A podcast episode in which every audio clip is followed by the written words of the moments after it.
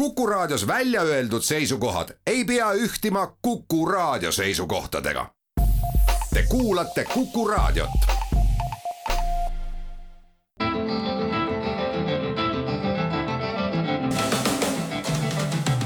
julge olla.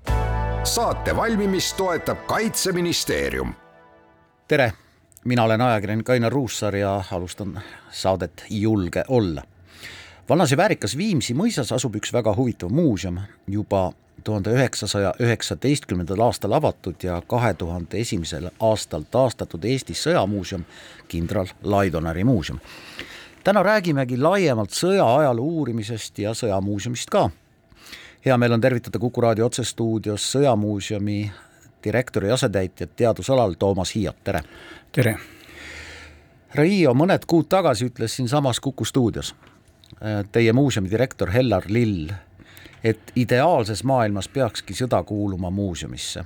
peaks küll, aga me ei ole sellesse maailma jõudnud ja vist ei jõua ka lähemal ajal noh, ol-, olema, olles mitte enam esimeses nooruses, ma võin arvata, et äh, mina seda küll ei näe, kui me ideaalsesse maailma jõuame ja teiselt poolt jälle, eks on ka väga erinevaid käsitlusi sellest, milline ideaalne maailm võiks välja näha. kindlasti on äh, kellegi ideaalis ka maailm, kus sõda on peaaegu et igapäevane sõjamuuseumeid on äh, peaaegu igas riigis, ma eeldan. ilmselt äh, on riike, kus neid on mitmeid, ma olen mõnedes nendes käinud. mis on sõjamuuseumi ideo-, ideoloogia, kas, kas see üldine ideoloogia on see, et püüame ikkagi muuta maailma paremaks, meenutada ja mäletada neid koledusi, mida sõjad kaasa toovad või on veel eesmärk? see on riigiti väga erinev ajaloos on äh, üldiselt nõnda, et äh, kas just enamik, aga suur osa riikidest on ühel või teisel moel sõjast sündinud. Nad on oma sünni nimel sõda pidanud. ja siin üheksateistkümnendal, kahekümnenda sajandi alguses äh, oli see ikkagi eeskätt osa rahvusliku identiteedi põhistamisest, et meie olime vaprad sõjamehed ja rajasime oma riigi valasime sellest verd ja oleme nüüd sellised. tänapäeval on siin asjad mõnevõrra muutunud, esiteks võib-olla sellepärast, et ajalugu kui teaduslik distsipliin on äh, ikkagi viimasel sajal aastal kõvasti arenenud ja äh, mõnevõrra taandub sealt see hmm, kuidas öelda, kangelasloo osa ja püütakse leida seda, kuidas asi päriselt oli seal on ka omad puudujäägid muidugi, sest on terve plejaad, nagu öeldakse, nõndanimetatud pal-, paljastaja ajaloolasi, kes eh, otsivad vigu selles, mis seni on kirjutatud või arvatud ja siis eh, võidavad sellega avalikkuse suure tähelepanu, sest ikkagi avalikkusele meeldib, kui midagi on valesti. valitsus valetab alati, nagu me teame. aga tänapäeval üritatakse eri riikidele eri moel, näiteks Saksa Bundeswehri muuseum, mis on Dresdeni lähedal ja väga suur ja uhke, nemad püüavad esitada mm, ühelt poolt Saksa sõjaajalugu, aga teiselt poolt näidata seda ikkagi sellises kaasaegses ja rahumeelses võtmises, selles, et sõda tõi kaasa suuri kannatusi. nüüd võib-olla mitte nõnda euroopalike riikide muuseumid on ikkagi veel seal kangelasloo juures sageli noh, see, ma olen käinud Ukrainas äh, selles äh, Teise maailmasõja muuseumis kümme aastat tagasi umbes, siis oli ta muidugi ümberkujundamisel kaasaegseks muuseumiks, aga Ukrainas Kiievis oli ka, või on võib-olla siiamaani, ka armee muuseum, mis äh, siin aastal kaks tuhat üheksa, kaks tuhat kümme üritas ehitada kirikut keset küla, see tähendab siis Kovpaki partisanide ja SS diviisi Galiitsia vahel nii et äh, paratamatult see, milline on muuseum, sõltub sellest, millised me oleme ise, mida meile koolis õpetatakse ja mida meie juhid meile kõnedes räägivad. aga üks tõsine kaasaegne muuseum, ma arvan, peab püüdma sellest äh, siiski distantsi hoida ja seda tõsist ajalootõde esitama. nojah, nagu te tegelikult juba ka vihjasite, siis äh, noh, paljudes riikides tekib kiusatus muuta see sõja ajalugu ikkagi natuke ideoloogiliseks, miks ma seda räägin, on see, et mul on olnud juhus käia Kertši sõjamuuseumis seal Koobastes äh,, enne kui Krimm okupeeriti. see jättis mulle sügavalt sellise ideoloogilise punase mulje ja teine, mis mind vapustas äh, Toomas Hiio, oli kui ma käisin Kambodžas surmaväljade muuseumis. Äh, seal, see on siis see koht, kus punakmeerid tapsid äh, enam kui miljon inimest ja teate, mis mind jahmatas, seal on, ma ei tea, kas te olete käinud, aga seal on pealuudest püramiid, kus laste pealuud on püramiidi kõige tipus. esiteks on see, on see õõvastav ja teiseks sealsamas tapjaväljadel Killing Fieldsis siiamaani võib komistada maa seest välja tulevate sääre, sääreluude vastu. ja see on ametlik muuseum, sinna müüakse pileteid. noh, sellist ideoloogiat Euroopa muuseumid ilmselt kunagi rakendama ei hakka, õnneks nojah, kultuurid on ikkagi eh, erinevad ja see, mis Kambodžas või Kambodžas, kui ta oli Khmeride võimu all, toimus, see on muidugi ajaloos eh, suhteliselt võib-olla harvaesinev asi. Aga Kertšis või siis tegelikult Krimmis olen jah, mina käinud ka keldrites, aga need olid Massandra veinitehase omad. Ja see Volodja Dubinin oli see kangelane minu meelest, keda meile meie seitsmekümnendate aastate nooruses eesti keeldegi tõlgituna. Tutvustati, kes seal koos punaste partisanidega koobastes fašistlike okupantide vastu võitles aga see selleks, eks äh, ikkagi noh, Eesti on hästi vaba riik ja selles mõttes on siin ajalugu ja ajaloolasena hea töötada, sellepärast et äh, ükski poliitiline erakond, olgu ta võimul või opositsioonis, ei ütle, kuidas ajalugu tuleb kirjutada. ajaloolased saavad seda teha oma tahtmist mööda. paljudes riikides ja ka paljudes demokraatlikes riikides võib-olla see päris nii lihtne ei ole sest kui me mõtleme näiteks ka Saksamaa peale, siis on seal teatud selline põhipool ikkagi olemas, millest kõrvalekaldumine äh, võib äh, ütleme, karjääri pisut tak-, takistada. no ma ei tea, nüüd on kõik muutunud, aga see oli enne, kui eelmisel aastal sõda algas. Toomas Hiio, enam kui aasta on kestnud Venemaa kallaletung Ukrainale. kas ajaloolased juba uurivad seda sõda ja talletavad seda sõda? Ajaloolased kindlasti talletavad, ma ei tea, kas see on vist nüüd kinni pandud, seal Vabaduse platsil oli mäluinstituudil oli näitus sellesama Kiievi Teise maailmasõja muuseumi kogudest, nemad olid kogunud neid materjale ja, ja teinud sellest sellise päris uhke väljapaneku. aga ajaloo uurimisega on nõnda, et ajalugu on ikkagi teadus ja teaduses on see asi, et püütakse kasutada võimalikult kõiki materjale. praegu me Ukraina sõjast näeme seda, mida meile tahetakse näidata ja analüütikud räägivad siis sellest, mida neile on näidatud, selle teadmise baasil, mis neil on varasemast olemas, nii et ja analüütikud ikkagi, nemad ei uuri selles mõttes ju ajalugu, nemad äh, tahavad teada, kuidas see lõpeb ja mis sellest saab. et seal on see vahe. ma arvan, et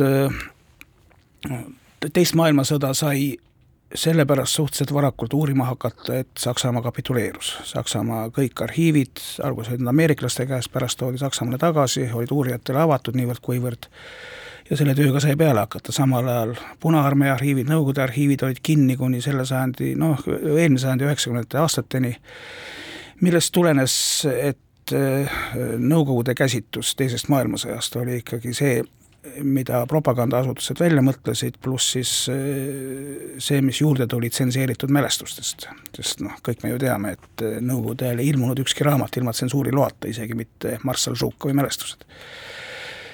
ja noh, meie ju ei tea, kuidas Ukraina sõda lõpuks lõpeb, me tahaksime, et me teaksime, me ei tea, aga aga ma arvan küll, et mina oma eluajal seda ei näe, kui mõlema poole dokumendid on vabalt saadaval ja me saame vaadata, mida üks pool mõtles, mida teine pool mõtles, kuidas välja tuli ja mis olid need tegelikult plaanid mõnes väiksemas operatsioonis või kogu suures pildis. No tegelikult, kui ma vaatan seda ja jälgin seda Venemaa agressiooni Ukrainas, siis noh, ühelt poolt ma võiksin ju väita, et tegelikult saaks äh, selle sõja ajalugu hakata vaikselt kirjutama juba enne kahekümne neljandat veebruari eelmisel aastal, kui see sõda ametlikult algas tegelikult see sõda algas märtsis kaks tuhat neliteist ja ideoloogiliselt veel palju varem või on see liiga lihtsustatud ettekujutus? no see, kui seda ükskord kirjutama hakatakse, siis kindlasti alustatakse varasemast ajast, aga noh, meie põlvkonnale on ju omal ajal olnud lauaraamatuks Jaroslav Hašeki Šveiki seiklused ja seal on üks kangelane, kadett Piigler, kes kirjutab ka oma rügemendi veel pidamata lahinguid ja joonistab nende skeeme. nii et ka see oht on alati olemas. Teeme siin väikese pausi ja siis jätkame meie vestlust.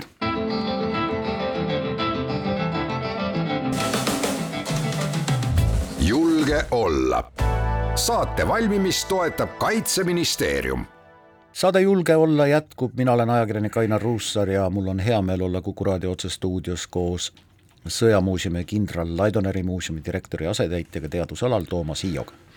Toomas, ma jälgin ajakirjanikuna väga põhjalikult kõiki neid teateid, mis minuni jõuavad Venemaa kaitseministeeriumist, Ukraina kaitseministeeriumist ja ma pean tunnistama, et ma ei saa usaldada kumbagi, kummagi poole teateid aga teie ajaloolasena oskate öelda, millal siis selgub tegelikult ühe sõja puhul tõde kaotuste, raha, purustuste ja muu sellise kohta? see on äh, üks väga keeruline küsimus, varem või hiljem äh, tehakse see niivõrd-kuivõrd selgeks, et selles lepitakse kokku. see tähendab seda, et äh, ideaalses maailmas jällegi süüdlane maksab kinni ja talle esitatakse arve ja see ongi see kaotus siis. aga tegelikult seda tavaliselt ei juhtu, sest äh, kui me vaatame näiteks teise maailmasõja lõppu või õieti seda, kui äh, Soome ja Nõukogude Liit tegid separaatrahu neljakümne neljanda aasta septembris, siis oli see juba mõne kuuga üsna selge, kui palju Soome peab Nõukogude Liidule maksma. Nii et eh, kõik sõltub. ja sama asi on inimkaotustega, harrastusajaloolased armastavad väga täpseid arve ja neile meeldib ühelise täpsusega, kui mitte täpsemalt kokku lugeda, kui palju ühel ja teisel poolel surma sai ja haavata sai ja ja seegi on väga keeruline küsimus selles mõttes, et eh, mis on sõjas surma saamine, see on muidugi defineeritud, see on sellepärast juba defineeritud, et eh, mitte ideaalmaailmas, vaid tavaliselt eh, saavad langenud sõduri, ohvitseri, kindrali omaksed ju riigilt toetust. ja sellepärast peab ju olema teada, kas ta on surnute nimekirjas või kuskil mujal. aga no, aga see on ikkagi suurte sõdade puhul väga ebamäärane, suurusjärgud on teada ja purustustega on samamoodi, need, see on ju lõpuks ikkagi mitte asi iseeneses, vaid väärtus. ja, ja kui suur see väärtus rahas on, see sõltub sellest, kui palju mingi asi mingil ajal maksab. nii et eh, sellele võib-olla väga suurt tähelepanu ei maksagi pöörata. Ja alati, kui ma viimasel ajal olen pidanud kirjutama mõnest sõjast ja, või mõnest lahingust, siis ma olen lihtsalt esitanud koos viitega allikale mõlema poole, kui see on võimalik, andmed selle kohta, mida nemad on oma kaotuste kohta öelnud. No käimasoleva sõja puhul on ikkagi need andmed väga erinevad, need andmed, mida me saame Ukrainast, Ukraina kaitsejõududelt ja kaitseministeeriumist ja need, mida me saame äh, Venemaa kaitseministeeriumist või sealset, sealse agressiivse sõjaväe käest, aga aga ma küsin hoopis niimoodi, et kuidas sõjad mõjutavad meie sõjamuuseumi, näiteks käimasolevad sõjad või ei mõjuta üldse? noh, ikka mõjutavad. see ei ole küll otseselt võib-olla sõjaajaloo teaduse küsimus, aga see on, mõju on selles, et inimesed käivad rohkem sõjamuuseumis, sellepärast et nad tahavad ju näha, mis see sõda on ja noh, lõpuks nädalavahetusel tuleb ju ka midagi teha, eks ole, ja see on üks võimalus, mis võib-olla mõnikord on meelest ära läinud. ja teine asi on see, et meil on olnud temaatilisi näitusi, siis kui oli kahe tuhande kaheksandal aastal Gruusias sõda, meil oli selle kohta näitus hiljem. Ja nüüd on meil see sõjamuuseumisse jõudnud ka see tank, mis siin Vabaduse väljakul oli, Vabaduse platsil oli, nii et et mõjutab kindlasti. Ja aga kui sõda on ükskord lõppenud, siis äh, sõjamuuseumides äh, ja kõigis muuseumides on püsiekspositsioon ja on siis ajutised näitused või ajutisem ekspositsioon. ja vastavalt sellele, kuidas ajalugu edeneb ja sõda koos kuulub selle ajaloo edenemise sisse, vastavalt sellele tuleb aeg-ajalt ka neid ekspositsioone uuendada, sest äh, kui me oleksime kõike õigesti teadnud juba viiskümmend aastat tagasi, siis võib-olla ei oleks elul eriti mõtetki, sest kõik on juba ju ette teada, aga me ei tea veel paljusid asju ja kui see muutub, siis me vastavalt sellele käime ajaga kaasas. Toomas Hiia, te väitsite, et kui ma õigesti aru sain, et Ukraina sõda on suurendanud teie muuseumi küla, külastajate arvu või te, teie muuseumi vastu huvi tundjate arvu? jah, nii nad väidavad. Need, kes meil vastutavad selle eest, et lugeda kokku, kui palju meil külalisi käib ja neid külalisi vastu võtavad. Vähemalt alguses, ma ei tea, kus see nüüd on, nüüd on ju aasta möödas, inimene harjub kõigega. kas sõjamuuseum on meestemuuseum? noh, me võime ju öelda, et äh, sõja vastu tunnevad mehed, sõja ja sõjanduse vastu tunnevad mehed rohkem huvi kui naised enamasti, aga meil on ju ka kõrgeid ohvitsere, vanemohvitsere, kes on naised, meil on tütarlapsi, kes teenivad sõjaväes, rääkimata Kaitseliidust ja Naiskodukaitsest ja, ja kodutütardest ja kõigest muust. aga loomulikult äh, paratamatult on see nii, et äh, selliste tehniliste vidinate vastu, mida ju Sõjamuuseum hulgaliselt esitleb, on meeste huvi suurem. püssid ja tankid ja, ja siis ka ajalugu võib-olla kui niisugune või sõjaajalugu kui niisugune. tuleme selle T kolmekümne nelja juurde tagasi, mis on nüüd teie muuseumi hoovil. Hoovil? Ah? kumba te mõtlete, meil on kaks tükki, üks on hoovil ja teine on kuuris või angaaris ähm,? Narva oma või? mõlemad, no jah, võtame Narva oma ja võtame selle, mis on kuuris, see vastupidi, meil õues on mida ma küsida tahan, on see, et mille poolest need T kolmekümne neljad on siis meie muuseumis nii erilised, terve Euroopa on neid romusid täis noh, mis neil väga erilist on. Eestis lihtsalt neid ei ole võrreldes Euroopaga ja neid saab äh, tulla sõjamuuseumi vaatama ja ei pea selleks Euroopasse minema, väga lihtne vastus, aga aga võib-olla keerulisem vastus on see, et see, mis meil hoovis on, see on Poolast saadud, Poola modifikatsioon, Poolas toodetud T kolmkümmend neli töökorras tank, mis saab mis tähendab töökorras tank? no sõidab, noh Aa. ma arvan, et tal see relvastuse pool võib-olla ei ole nii töökorras, ma ei tea seda täpselt ausalt öeldes, pole kunagi küsinud. ja tanki vastu on huvi ja, ja loomulikult nagu kõik, mis äh, sõjast räägitakse, on seotud äh, ka propagandaga või siis uuemal ajal nimetatakse seda vist strateegiliseks kommunikatsiooniks, aga aga, ja T kolmkümmend neli on üks teise maailmasõja sümboleid. ja väga paljud inimesed tahavad näha, milline see tegelikult välja näeb. ja kui me näeme seda filmides või, või telesaadetes või piltidel, siis võib-olla ta isegi tundub suurem, kui ta tegelikult on.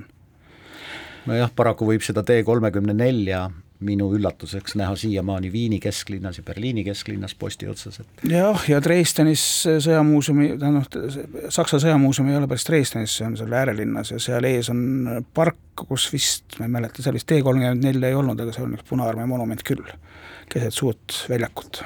jah kuulge, ma ei tea, kas te oskate vastata, aga kas vene keelt kõnelevad inimesed tunnevad teie muuseumi vastu ka huvi? jah, muidugi.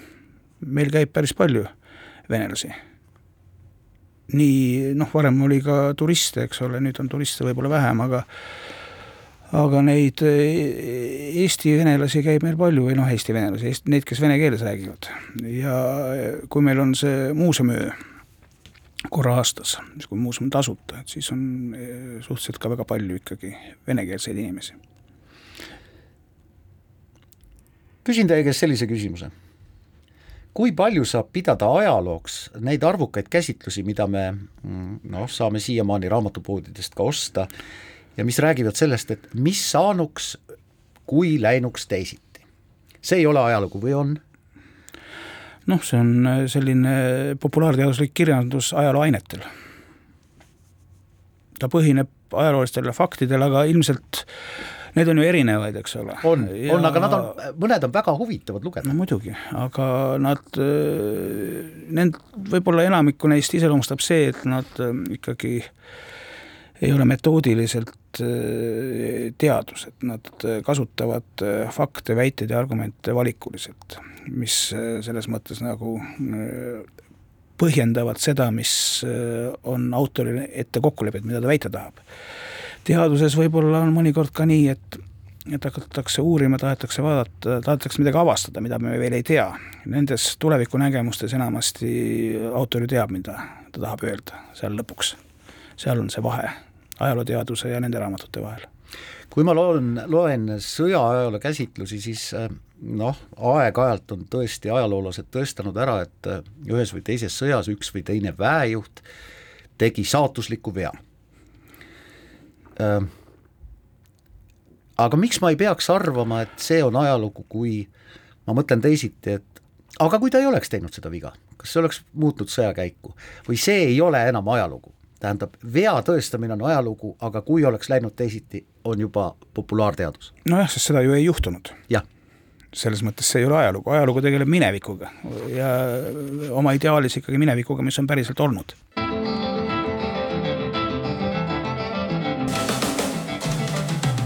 julge olla.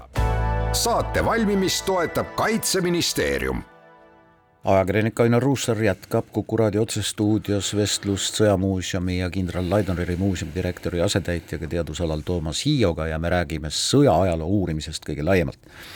Toomas Hiio, kas sõjaloo, ajaloo puhul kehtib ka reegel, et kõige väärtuslikumad andmed tulevad sõjas osalenutelt ja see aeg on umbes veerand sajandit, miks ma küsin?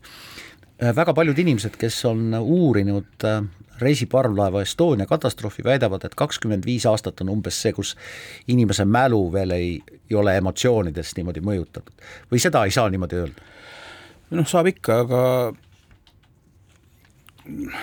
ajalugu ei koosne ju ainult äh, sellest, mida asjaosalised ise mäletavad, vaid sinna lisanduvad dokumendid, ajakirjandus, isegi arheoloogia palju muid asju, ainult selle pealt, kuigi ellujäänutel on alati õigus, nagu me teame, aga aga ainult äh, selle pealt, mida inimesed pärast mäletavad, võib väga viltu minna, selle ajaloo kirjutamine.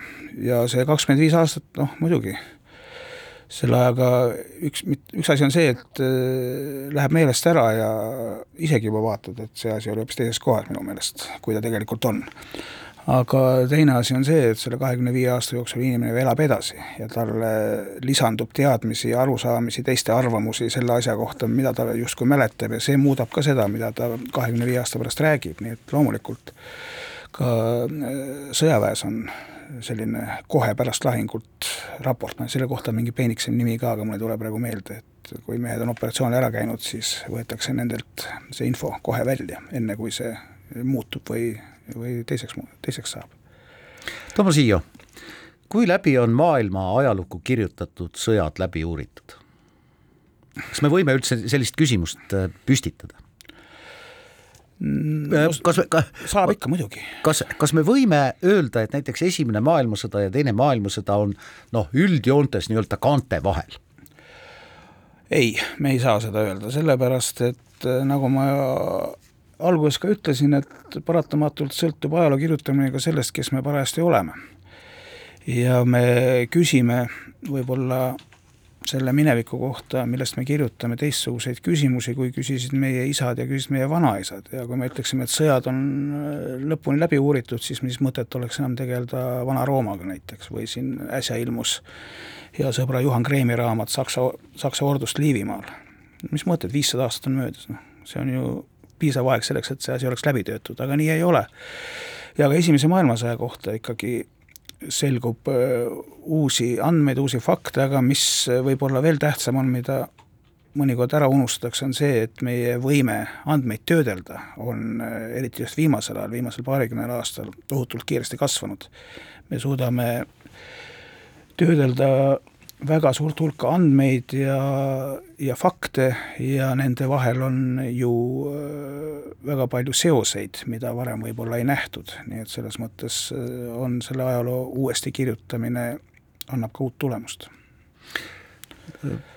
ajaloolasena ja ka sõjaajaloolasena ja Sõjamuuseumi direktori asetäitjana te ilmselt oskate öelda, et rääkides Eestist, millised on need noh, need esimese ja teise maailmasõja aegsed nii-öelda valged laigud, millele ajaloolased võiksid neid sõdu, Eesti pinnal käinud sõdu samamoodi veel uurida? esimese maailmasõjaga on äh, selles mõttes isegi võib-olla neid valgeid laike rohkem, sellepärast et Esimene maailmasõda on meil jäänud veidi Vabadussõja varju ja noh, esimeses maailmas sai rohkem Eesti mehi hukka või läks kaduma kui Vabadussõjas samal ajal. ja see puudujääk või mis puudujääk, see oli nii juba sõdadevahelisel ajal, sellepärast et avalikkus tähtsustas võitu Vabadussõjas loomulikult palju rohkem kui Esimeses maailmasõjas Vene sõjas osalemist. ja varem ei olnud ka nii lihtsasti võib-olla kättesaadavad äh, mõlema poole ehk siis meie kontekstis Saksamaa ja Venemaa arhiivimaterjalid selle sõja kohta, noh Saksamaa arhiivimaterjalidega on udune lugu sellepärast, et Saksa sõjaarhiiv sai vist, oli see neljakümne viienda aasta aprillis korralikult pihta ja suur osa neist põles lihtsalt ära. aga Venemaa arhiivimaterjalid äh, on vaatamata revolutsioonidele ja sõdadele ikkagi mingisugusel määral alles ja Vene ajaloolased on neid ka publitseerinud ja nad on osaliselt kättesaadavad, nii et see töö ootab veel ees. praegu on sellega mõnevõrra keeruline muidugi, aga ega ajad ju muutuvad. ja mis teise maailmasõtta puutub, siis teises maailmasõjas on olnud meie probleemiks võib-olla see, et meil on see ajalugu olnud ühelt poolt kirjutatud äh, kuni siin paarikümne aasta taguse ajani äh, veel äh, nii saksa kui vene propagandamaterjalide põhjal. Ja teiselt poolt võib-olla oleme me liialt keskendunud eestlaste või meie tegemistele, kuidas eh, metsavennad ja hävituspataljonlased seda teist maailmasõda pidasid omavahel. ja samal ajal on meil tähelepanuta täiesti jäänud see suur sõda, mis tegelikult siin Eestis peeti, mõned isegi võib-olla solvuvad, et kuidas siis nii, et sa teed sellest sõjast nüüd mingi Vene-Saksa sõja, kus eestlastel ei olnud üldse midagi öelda. nii see nüüd ka päris ei ole, aga, aga see pool on, vajab veel läbiuurimist seda on uuritud, aga siin on, ma ütleksin siiski, selline üldistus on veel puudu sest need materjalid on meil nüüd käepärast, ka Vene materjalid muuseas, ja need on internetis, need on digiteeritud ja see ikka veel töötab ka tänapäeval. see on andmepank, Pametna Rooda on selle nimi vist. nii et äh, probleemiks võib siin pigem see olla, et et nooremad ajaloolased, noh, distants on pikem, on üks asi ja teine asi, mida ma olen alati öelnud, et nad ei oska neid keeli enam et see eesti ja inglise keelest on natuke vähe selleks, et esimese-teise maailmasõja ajalugu uurida. et kui mõni ajaloolane, noor ajaloolane kuulab, kuuleb seda saadet ja tahab ajaloolaseks saada, siis õppige keeli. Neid sõdu ja lahinguid ja peeniteooriaid võite suuremast peast ka meelde jätta, aga keeli tuleb õppida noorelt, sest pärast on hilja no vene keelele viitate te eelkõige? Vene ja saksa ka ikkagi, saksa keel on Eesti ajaloos võib-olla isegi sama tähtis, kui mitte tähtsamgi kui vene keel kas sõjaajaloolastel ja noh, kas sõjaajaloo huvilistel on kuskil kättesaadavad need nii-öelda valged laigud, millele võiks keskenduda, rääkides siis äh, esimesest ja teisest maailmasõjast näiteks? no on ikka, arhiivid on meil avatud ja ja ka välismaa arhiivide materjalid on äh, ühel või teisel määral ikkagi ka internetis kättesaadavad. nii et see on selles mõttes ju keeruline küsimus, et sõltub huvilisel, huvilisest, mida ta tahab õigupoolest teha. kui inimene teeb seda hobi korras, äh, töö kõrvalt, äh, töö ja päriselu kõrvalt, siis kaheldamatult ei saa ta sellega tegeleda tööpäeva, töönädala ja tööaastate ulatuses, ta peab leidma mingi kitsama asja, millega tegeleda. ja selleks on hulga võimalusi ja samal ajal jällegi oleme siin oma töös ka tähele pannud, et harrastusajaloolased, nad on äh, väga tublid detailide peale, mida sa võib-olla need äh, päris ajaloolased, mitte päris ajaloolased, elukutselised ajaloolased, kel pole nõnda suurteks deta-, nõnda täpseteks detailideks aega lihtsalt ja võimalust, aga ajaloohuvilistel seda on ja noh, meil on see veebisait siin juba paarkümmend aastat, ma arvan, see Militaarnet, kus need ajaloohuvilised omavahel vestlevad ja seal need detailid tulevad päris kenasti välja kuidas on muuseumis, teie muuseumis kajastatud meie osalus, meie, eestlaste osalus lähiaja sõdades, noh, Afganistanis ja Iraagis olid neist ohvrite rohkemad missioonid, ehk siis ajalugu ja muuseumi lugu meestest, kes on veel elus või kes on kaotanud oma lähedased nendes sõdades. kas teie muuseumis saab selle kohta informatsiooni?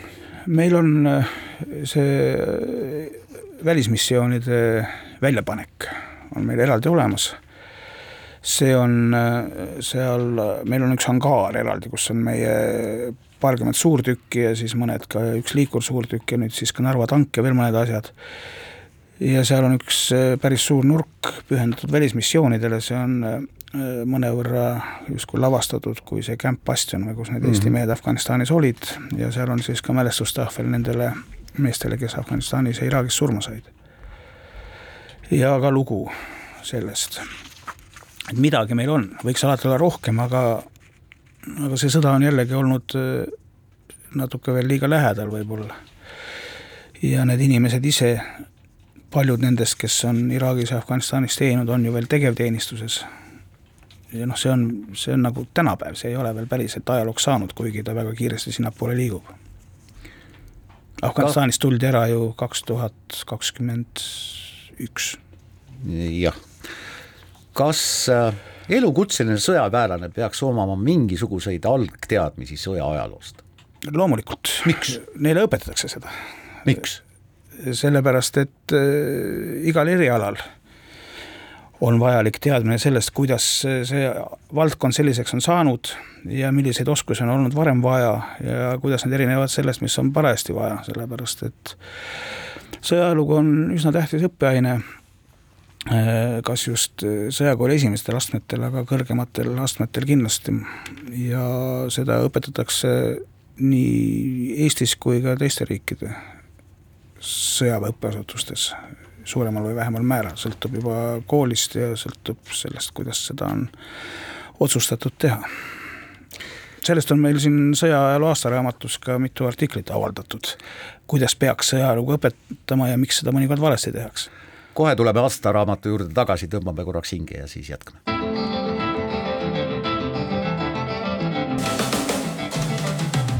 julge olla saate valmimist toetab Kaitseministeerium Ainar Ruussaar jätkamas vestlust Sõjamuuseumi ja kindral Laidoneri muuseumi direktori asetäitjaga teadusalal Toomas Hiioga. Toomas, sõjamuuseum peab arvestust sõjahaudade üle ka, eks ole, korraldab nende otsimist. Kuidas te neid otsite, ma ei saa aru, kust see teave tuleb? ma tõesti ei saa aru sellest. see on üsna pikk lugu, aga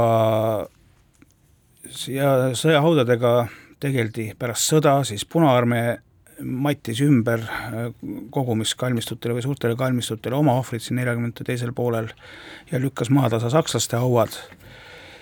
Ja sellega tegeldi üheksakümnendatel aastatel, kui Eesti riik sõlmis lepingu Saksa sõjaväe liiduga ja taastati Saksa sõjaväekalmistud ja maeti Saksa sõja, sõjaohvrid, Saksa sõdurid, kes on Eestis langenud, sinna ümber. ja sellega tegeldakse nüüd, kui maetakse ümber Punaarmee neid väiksemaid kalmistuid. Aga mis puudutab Eesti sõdureid, siis veel äh, kuni viimase ajani on leitud ka Vabadussõja langenuid, kes on, Läti poolel on neid olnud ja ka vist Eesti poolel mõni, kes on, kes on teada, kes on sinna maetud, aga noh, aeg läheb edasi, sõjas saavad surma noored mehed, nendel lapsi pole, vanemad surevad ära ja nad kaovad unustusse. Ja samuti maetakse enam-vähem igal aastal ümber metsavendi. See on äh, rahva mälus on need, äh, see teadmine olemas, fakte kontrollitakse ja sageli peavad nad paika, mõnikord ka kindlasti mitte Te juba viitasite sellele, noh küll Lätile, et on leitud Eesti sõdurite haudasid ka sealt. ilmselt on neid eestlas, Eesti sõdurite haudu väljaspool Eestit päris palju, mille kohta meil teavet ei ole no selle surnud inimesega on ikkagi enamasti nii, et varem või hiljem ta maetakse maha. üldiselt just, küsimus taandub sellele, et kuhu ta maetakse. ja ka Sõjamuuseumi inimesed on käinud näiteks äh, Poolas öö, äh, otsimas või tähistamas äh, neid kahekümnes Eesti SS diviisis langenud eestlasi, kes on seal Poola sõjaväekalmistutel. Eestlasi on äh, kindlasti ka praeguse Venemaa territooriumil, aga Eestil ei ole seda olnud kunagi kokkulepet Venemaaga, sõjaväe kokkulepet, et selles mõttes on see võib-olla keerulisem kui lätlastel, kes on äh, käinud Venemaal ka oma ohvreid otsimas. Ja, ja on ju rahvusvaheline kokkulepe selle kohta, et noh, see kokkulepe sõlmiti, eks ole, pärast Esimest maailmasõda, kui seal läänerindel eeskätt olid äh, sajad tuhanded mehed, olid langenud kodust kaugel, kelle kodukalmistutele ümberviimine ei olnud ju mõeldav ja siis rajati sinna suured sõjaväekalmistud ja lepiti kokku, et sõjahaud on puutumatud, noh, seda ei tohi ümber matta, no ümber matta tohib selles mõttes, aga see peab olema ikkagi sõjas langenud inimese säilmed, peavad olema austusväärselt maetud ja tähistatud, võiks seda lihtsustatult öelda. Sest inimesed ei lähe sõtta mitte oma asja ajama, vaid oma riigi ja rahva asja. sõltumata sellest, kas ta oli agressori poolel või mitte see on jah, selles mõttes ju üsnagi keeruline küsimus, et äh, me vannume ju truudust oma valitsejatele, oma valitsusele ja meil on tavaliselt üks kodumaa ja teist ei ole. ja kui meie valitsus käsib meil sõtta minna, siis äh, on see meie kohustus mingisugusel viisil ja me saame surma, kui me saame surma ju seda kohustust täites, nii et äh, jah, loomulikult on sõjakurjategijad ja loomulikult on marodöörid ja inimesed, kes lihtsalt purjuspäidi auto alla jäävad ja kõik see muu, mis äh, paratamatult sõja juurde kuulub. aga põhimõte on ikkagi see, et, et need inimesed ei ole läinud sinna enesetappu tegema. sõjamuuseum korraldab koos paari partneriga rahvusvahelisi sõjaajaloo konverentse, mis nende konverentside eesmärk on, neid on vist olnud juba üheksa või? ma arvan, neid on isegi rohkem olnud, me hakkasime neid tegema vist kaks tuhat kümme või üksteist umbes nii, et selle konverentsi eesmärk on äh, tuua siia kokku Eestisse äh, sõjaajaloolasi mujalt maailmast ja ja ka loomulikult Eesti sõjaajaloolasi, kuigi meil iga teema jaoks sõjaajaloolast ei ole, meil on väike maa. ja see on selline mm, teaduslik vahetus nagu või mõttevahetus või ideede vahetus, me püüame neid äh, konverentse teha temaatilisi, selles mõttes nii on lihtsam. ja siis äh, nende konverentside tulemusena anname siis välja ka sõjaajaloo aastaraamatu, Eesti sõjaajaloo aastaraamatu nii eesti kui inglise keeles, tähendab vaheldumisi, meil mõned on ainult eesti keeles, mõned on ainult inglise keeles, me püüdsime nüüd äh, viljeleda ka seda, et äh, teha nüüd kõik mõlemas keeles, tähendab, üks köide inglise keeles, teine eesti keeles, aga noh, see on päris töömahukas, see tõlkimine ja see teaduslik publikatsioon, seal on retsenseerimised ja viitamised ja see on päris aeganõudev ja vaevaline töö. aga et meelest ära ei läheks, tuleb nimetada partnerid, meie partneriks on olnud äh, Balti Kaitsekolledž ja nüüdsest siis ka Eesti Kaitse Kaitseväe Akadeemia, kellega me neid koos teeme ja sageli viimastel aastatel oleme teinud neid Tartus, seda sellepärast, et et Tartus on just Balti, Balti Kaitsekolledž, kus on äh, hulk õppureid nii Eestist kui enamasti välismaalt, kes on väga tänuväärne auditoorium nende konverentside ettekandjatele. kas need konverentsid ja äh, muuseumi välja antud aastaraamat on siis omavahel kuidagi seotud, ma saan teie jutust niimoodi aru? jah, nad on omavahel seotud sellepärast, et äh, see muuseumi aastaraamatu traditsioon algas õieti vist aastal kaks tuhat üks juba. siis ilmus Laidneri muuseumi aastaraamat ja me selle, vahepeal oli väike vahe ja siis aastast kaks tuhat üksteist või kaksteist hakkasime me seda uuesti välja andma Eesti sõjaajaloo aastaraamatu nime all ja mõnes mõttes on see ka mugavus, sellepärast et kui inimesed on akadeemiliseks konverentsiks ette valmistanud teksti, mis soovitavalt äh, ei ole mõne interpreet ajaloolase oma, kel võtab riiulist ja käib mööda konverentsi ja räägib ühte sama juttu, siis äh, on niimoodi kõige lihtsam ka seda aastaraamatut teha.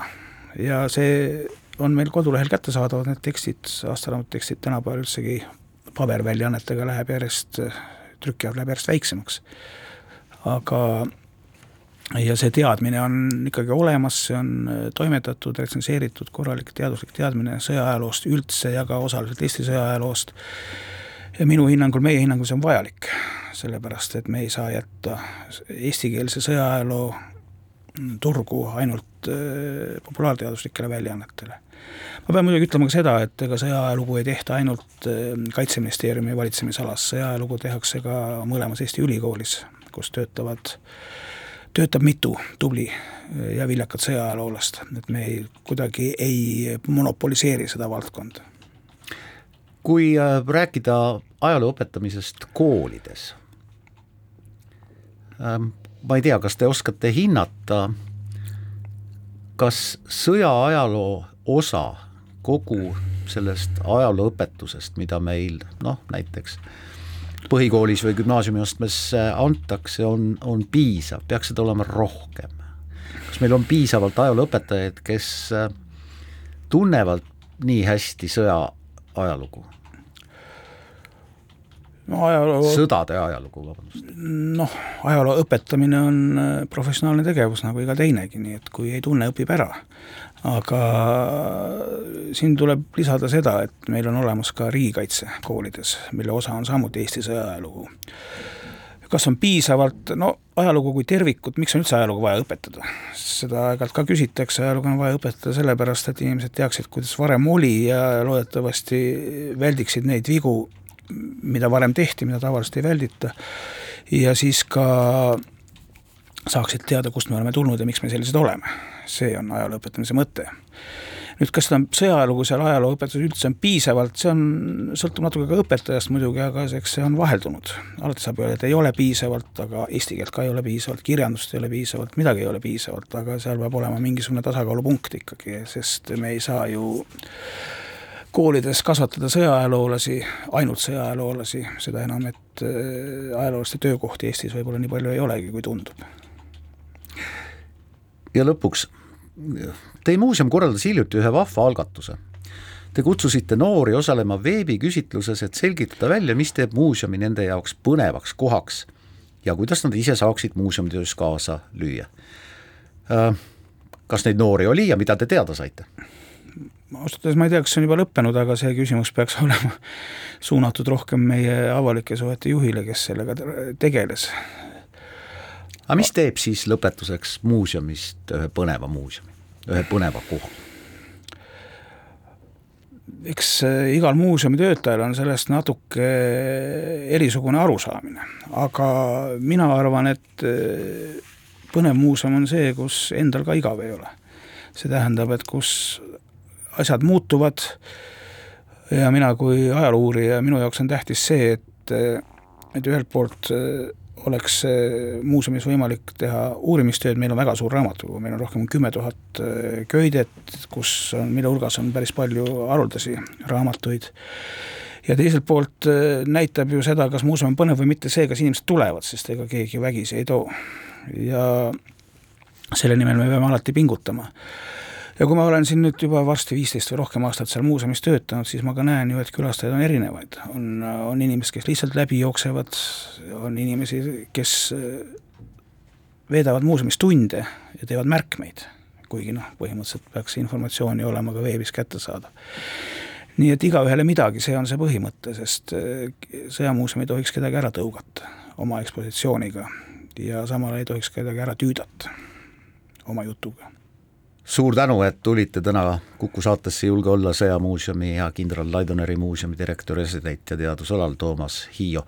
julge olla taas kolmapäeval kell üksteist, aga kahe nädala pärast.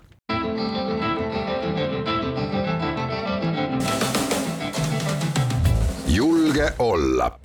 saate valmimist toetab Kaitseministeerium